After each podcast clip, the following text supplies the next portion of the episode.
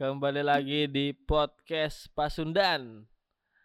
Dan kali ini balik lagi bersama gua Radit Dalam edisi monolog gua. Udah lama banget ya gua nggak monolog ya? Udah udah berapa episode lalu? Udah banyak banget ya gak episode gua nggak monolog ya? Udah lama banget itu. Dan apa yang mau gue bahas kali ini ya tentang ya apa yang mau gue bahas di monolog hari ini mungkin kita bahas dari keadaan-keadaan Indonesia dulu aja deh. Kita buka dengan hal-hal yang umum aja dulu.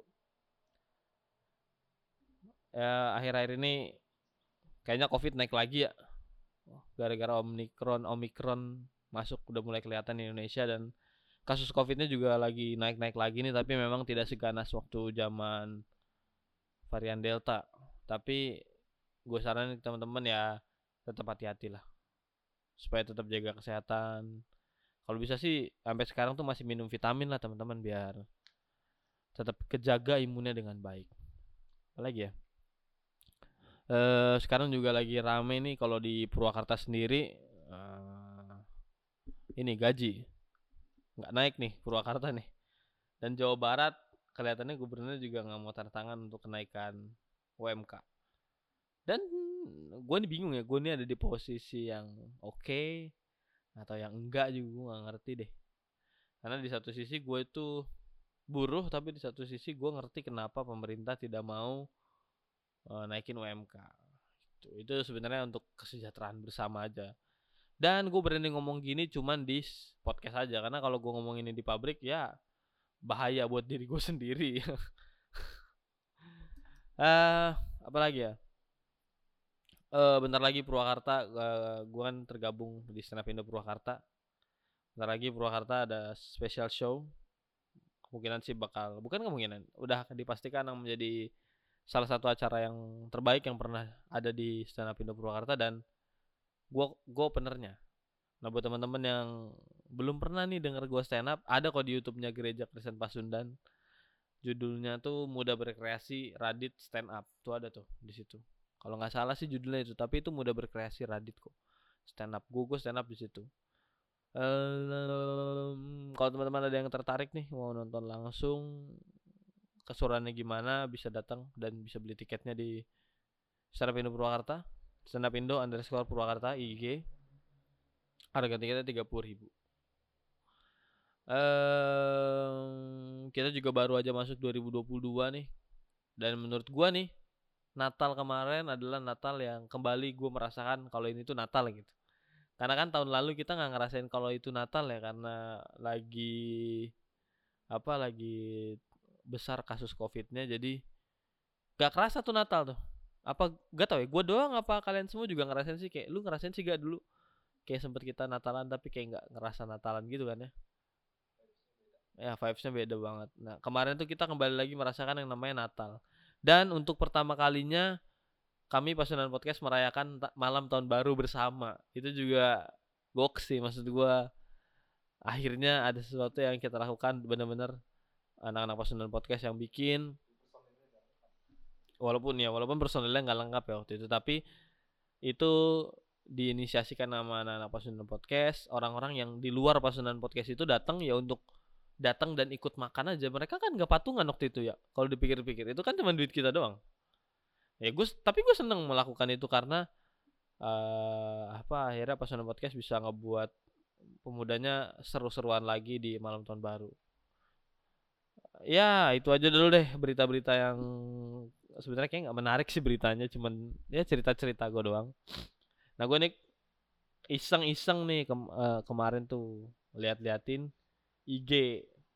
Nah gue nih nemu nih salah satu namanya akun IG pemuda Kristen. Gue gak tahu nih IG-nya kenapa namanya pemuda Kristen ya. Ya pasti karena dia Kristen dan kalau dilihat dari konten-kontennya sih Kristiani Kristiani semua. Uh, eh, gue coba mau lihat dari postingan-postingan dia.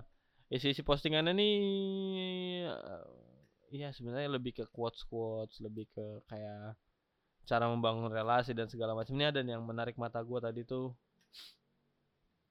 di sebentar, sebentar. Nah ini cara ngebangun hubungan dengan Tuhan. Delapan, delapan cara. Yang pertama saat teduh tiap hari. Uh, bener sih. Saat teduh tiap hari adalah salah satu cara yang tepat untuk kita bisa membangun relasi kita bersama Tuhan. Karena sama halnya dengan manusia, relasi itu bisa terbangun dengan baik ketika kita juga saling ngobrol. Ketika kita sering berkomunikasi. Eh gimana ya kalau kita sering komunikasi maka hubungan itu terjalin karena terbiasa karena lu biasa ngobrol lu lu jadi makin mengerti mungkin lu mungkin mikir sekarang emang kita bisa yang ngertiin Tuhan? Bisa kok bisa banget. Kenapa lu sekarang berpikir kalau lu nggak bisa ngertiin Tuhan? Ya karena lu tidak punya hubungan yang baik dengan Tuhan. Nah yang kedua tuh berdoa sebelum beraktivitas. Kenapa berdoa sebelum beraktivitas itu penting? Walaupun kita pernah ngebahas ya, berdoa tuh di beberapa episode lalu berdoa tuh nggak penting. Sebenarnya kalau lu mau tahu apa argumen yang terjadi di dalam apa namanya di dalam judul tersebut, ya lu harus dengar sih. Bukan bukan kita tuh nggak setuju sama doa, tapi doa yang seperti apa. Nah, sama seperti yang uh, poin kedua, doa yang kayak apa nih yang kita maksud maksudnya yang bisa membuat hubungan kita dengan Tuhan relasi kita dengan Tuhan jadi makin baik ya doa yang sungguh-sungguh doa yang benar-benar lu tuh mengucap syukur ketika lu bangun tidur lu masih bisa melek lu masih lihat matahari lu masih bisa menghirup nafas dengan dalam-dalam. Lu masih bisa melakukan aktivitas lu. Lu harus bersyukur atas hal itu berdoa sama Tuhan. Dan yang kedua ketika lu berdoa juga di waktu yang bersamaan lu tuh meminta pertolongan Tuhan supaya hari-hari lu hari itu adalah hari yang baik untuk dijalankan dalam segala hal. Ketika itu beneran lo lakuin dengan benar, ya gue jamin sih Tuhan juga bakalan memberikan pertolongan yang oke. Okay. Tuhan juga menerima dengan baik uh, pujian syukur lu dari doa-doa lu. Gitu sih. Kita poin yang selanjutnya. Merenungkan firman Tuhan merenungkan firman Tuhan dan bukan hanya membaca. Betul. Semua orang bisa ngebaca firman Tuhan. Semua orang. Tapi maukah kita ketika membaca juga merenungkan apa yang Tuhan maksud dalam firman tersebut? Maksudnya gini. Gue tuh selalu diajarin sama kakak-kakak gue di gereja bahwa baca Alkitab itu nggak kayak kita makan bubur atau kayak kita makan sesuatu yang bisa langsung ditelan nggak bisa kayak gitu maka baca firman Tuhan tuh kayak makan benar karena itu adalah makan rohani tapi makannya tuh harus dikupas dulu harus dilihat masih oke okay apa enggak bukan masih oke okay, enggak maksudnya dikupas dulu dipasti di dicerna lagi lebih baik dikunyah dulu supaya ketika masuk ke dalam diri kita tuh adalah hal yang sudah direnungkan, hal yang sudah dicari baik dan buruknya kita tahu dan kemungkinan sih firman Tuhan nggak nggak ada buruknya ya. Ada juga ketika kalian melihat itu buruk ya karena kalian mungkin tidak tepat menafsirkannya. Dan salah satu cara terbaik menurut gue untuk merenungkan firman Tuhan ya cari mentor sih atau lu nonton YouTube kek apa kek atau lu baca apa kek yang udah ditafsirkan gitu itu juga nolong banget kok buat merenungkan firman Tuhan. Ini udah poin ketiga ya, poin keempat berarti ini. Belajar menaati firman Tuhan, udah jelas. Ibarat kata Tuhan nih orang tua nih. Kalau orang tua lu ngomong, tapi sama lu nggak didengerin, nggak diturutin, emang orang tua lu mau bisa lebih dekat sama lu kan? Enggak. Begitupun juga Tuhan. Tuhan kan kita percaya adalah Bapak kita semua kan. Jadi ya kita tahu nih perintah-perintah Tuhan apa aja nih. 10 hukum Taurat kita tahu, atau kalau kita mau lebih simpel lagi ya kita punya hukum kasih yang jelas uh, itu adalah hukum kasih yang kalau kita lakukan itu kita tuh penuh kasih banget sih orangnya kita tuh pasti menjadi orang yang apa ya yang nggak mau nyakitin orang tapi juga tetap menjalankan firman Tuhan dengan baik jadi belajar mentaati firman Tuhan men Poin ke selanjutnya, gue lupa lagi udah berapa poin. Sering mendengarkan lagu-lagu, sering mendengarkan lagu rohani atau pujian. Apakah itu benar-benar membantu? Ya. Karena ketika kita kalau least gua sih, gua kalau dengerin film uh, dengerin lagu-lagu rohani sih berasanya kayak doa nggak sih? Kalau lu gitu nggak sih, Gak? Kalau lu dengerin lagu rohani itu berasa doa nggak sih? Enggak. Oh, berarti gua doang ternyata. Karena kalau gua tuh bisa sampai kayak ya beberapa lagu memang um, buat gue tuh kayak ah ini doa banget sih nih kayak mewakili perasaan gue dan ketika kita nyanyiinnya pun bisa ngebuat apa hati kita terbawa suasana nyanyinya sih. Jadi daripada lu dengerin lagu-lagu yang artinya aneh-aneh udah mendingan dengerin firman tuh apa lagu-lagu rohani aja.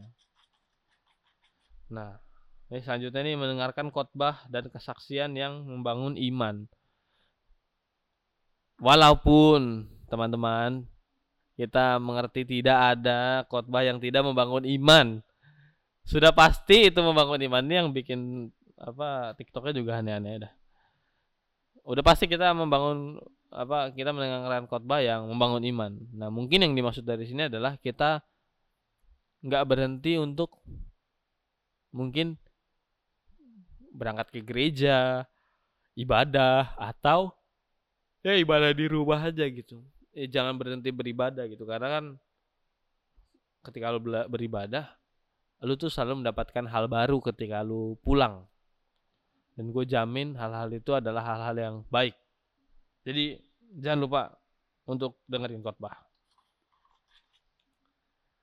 Selanjutnya nih cari komunitas yang benar. Kalau lu tanya komunitas yang benar apa? Komunitas podcast Pasundan dong At least di Gereja Kristen Pasundan Purwakarta ada satu komunitas yang menurut gua adalah komunitas yang tepat buat anak-anak pemuda bisa berkembang dengan baik. Baik secara rohani ataupun secara teknologi karena di Pasundan Podcast kita bisa belajar banyak hal. Dan pelajaran yang kita pelajari bersama di podcast Pasundan itu adalah untuk memuji dan memuliakan nama Tuhan. Jadi kalau ditanya cari komunitas yang tepat sih kalau gua sendiri udah dapat ya. Bagaimana dengan kalian? Apakah kalian sudah mendapatkan komunitas yang tepat buat kalian dan membangun iman kalian karena komunitas tersebut? Harusnya sih udah ya teman-teman. Jadi ya, come on man. Yang selanjutnya sharing dengan orang yang dewasa secara rohani. Nah, nah, nah. Ini di garis bawah ya kata secara rohaninya karena banyak banget nih orang-orang yang nggak mau dengerin sharing orang karena lu aja lebih muda dari gua lu tahu apa? Nah masalahnya kematangan rohani seseorang tuh nggak bisa dilihat dari dia tua atau muda. Tapi seberapa dia dekat dengan Tuhan jadi nggak bisa tuh dilihat dari yang muda sama tua doang tuh. Harus sharing sama orang yang dewasa dalam rohaninya Apakah teman sejawat Anda mungkin ada yang memiliki kedewasaan rohani? Iya ada pasti. Pasti ada, nggak mungkin nggak ada. Lu hidup tuh di dunia yang sangat amat luas. Banyak banget orang-orang yang macam-macam yang random banget di hidup kalian termasuk orang-orang yang punya kedewasaan rohani yang cukup baik. Dan lu bisa sharing sama mereka. Cara cari tahunya gimana? Lihat aja sikapnya. Kan kita selalu percaya bahwa kita tuh adalah Alkitab yang terbuka kalau dia sikapnya baik udah pasti uh, kedewasaan rohaninya juga baik. Karena dia mengerti. Gitu. Ternyata udah delapan ya. Udah God bless tuh tiba-tiba di TikToknya juga. Udah God bless. Nah itu adalah delapan cara untuk membangun relasi bersama Tuhan. Gue sih sebenarnya pengen banget ya ngobrol-ngobrol tapi masalahnya kan ini monolog ya. Nah kalau misalnya gue sendiri nih dari delapan cara tersebut mana yang udah gue lakuin? Ah uh, tidak ada kayaknya. Enggak dong. Kayak berdoa sebelum aktivitas, ah, I will, apa, gue gue selalu lakuin itu. Uh, apa aja sih tadi gue lupa sendiri jadinya. Ya mungkin dari 8 yang gue kerjain 5 sih tiganya lagi mungkin akan segera gue kerjakan lah karena gue udah ngeliat itu semua dan gue harap teman-teman yang dengerin podcast Wasundan sih udah melakukan ke delapan cara tersebut ya dan sekali lagi gue bilang ya mungkin gue bukan contoh yang baik tapi gua akan selalu memberikan informasi yang tepat untuk kalian menjadikan contoh yang baik. Waduh. Udah berapa menit gak? 15 udah cukup lah ya monolog 15 menit kelamaan kali buat teman-teman. Thank you udah dengerin podcast Pasundan dalam edisi monolog gua bersama gua Radit dan ditemenin malam ini sama Yoga. Kita masih nunggu Omi buat take episode berikutnya. Bye bye.